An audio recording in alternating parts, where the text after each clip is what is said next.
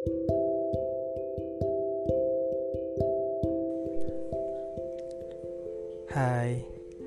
apa kabar hari ini? Gimana aktivitasnya? Terasa menyenangkan atau membosankan? Hehehe. Selamat beraktivitas ya untuk kalian semua yang sedang kerja, nugas, di jalan, atau sedang santai dan rebahan di kasur. Selamat beraktivitas bagi jiwa-jiwa yang tangguh dan tegar. Asik. Kembali dengan gue Abbas yang akan menemani aktivitas kalian dengan segudang cerita berdasarkan keresahan-keresahan yang mungkin sama-sama kita rasakan. Tema kali ini bersikap bodoh amat. Mungkin bagi sebagian orang ada yang sudah dapat memanage kehidupannya dengan baik. Tapi tak sedikit pula orang yang masih belum dapat memanage kehidupannya dengan baik, termasuk dengan gue. Masih banyak hal yang berantakan, seperti mengatur kehidupan, kesibukan, jadwal, bermain, hal yang harus diprioritaskan, dan meluangkan waktu untuk orang-orang yang spesial bagi gue. Tapi pernah gak sih lo merasa terpuruk karena berbagai permasalahan yang menimpa diri, seperti diejek, dihina, caci maki, dan lo merasa insecure atas semua kekurangan yang lo miliki, dan merasa frustasi atas semua rintangan dan tantangan dalam kehidupan, karena lo merasa belum siap dengan semua itu. Hakikatnya di dalam dunia ini, baik dan buruk, masalah dan solusi jahat dan baik, kesenangan dan kepedihan, kelebihan dan kekurangan akan selalu ada bergandengan. Tapi, gimana sih cara untuk kita menghadapi itu semua? Bersikap bodoh amat di sini bukan berarti kita cuek dengan lingkungan sekitar. Kita apatis dengan keadaan, dengan orang-orang, bukan juga untuk orang-orang yang malas dan suka membuat masalah. namun lebih kepada untuk memilah-milih hal yang hal yang terpenting yang harus kita lakukan dalam mengambil setiap keputusan.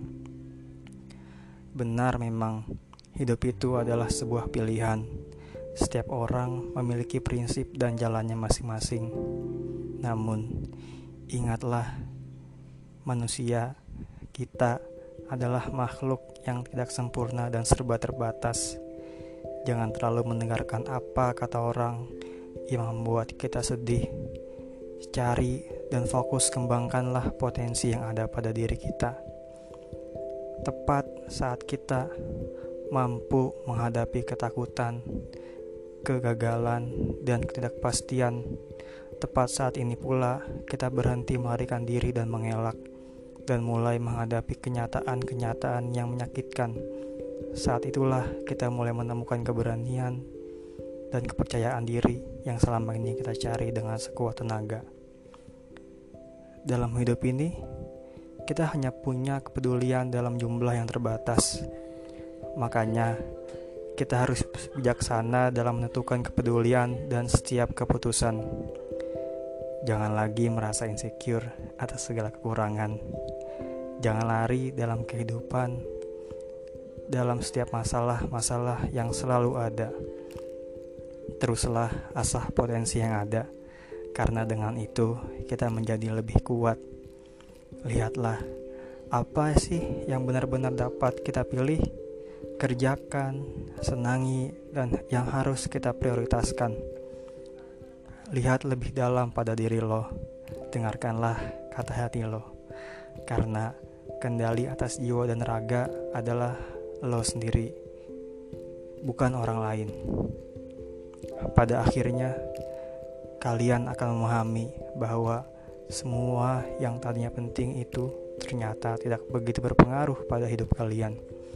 Pelan-pelan akan muncul hal yang di luar kebiasaan yang bisa membuat kalian lebih hidup, yang selaras dengan nilai-nilai yang membuat hidup lebih tenang.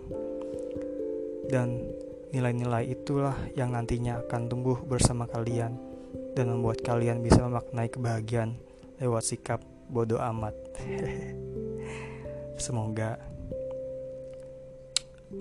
tema gue pada kali ini setidaknya mampu untuk mencurahkan.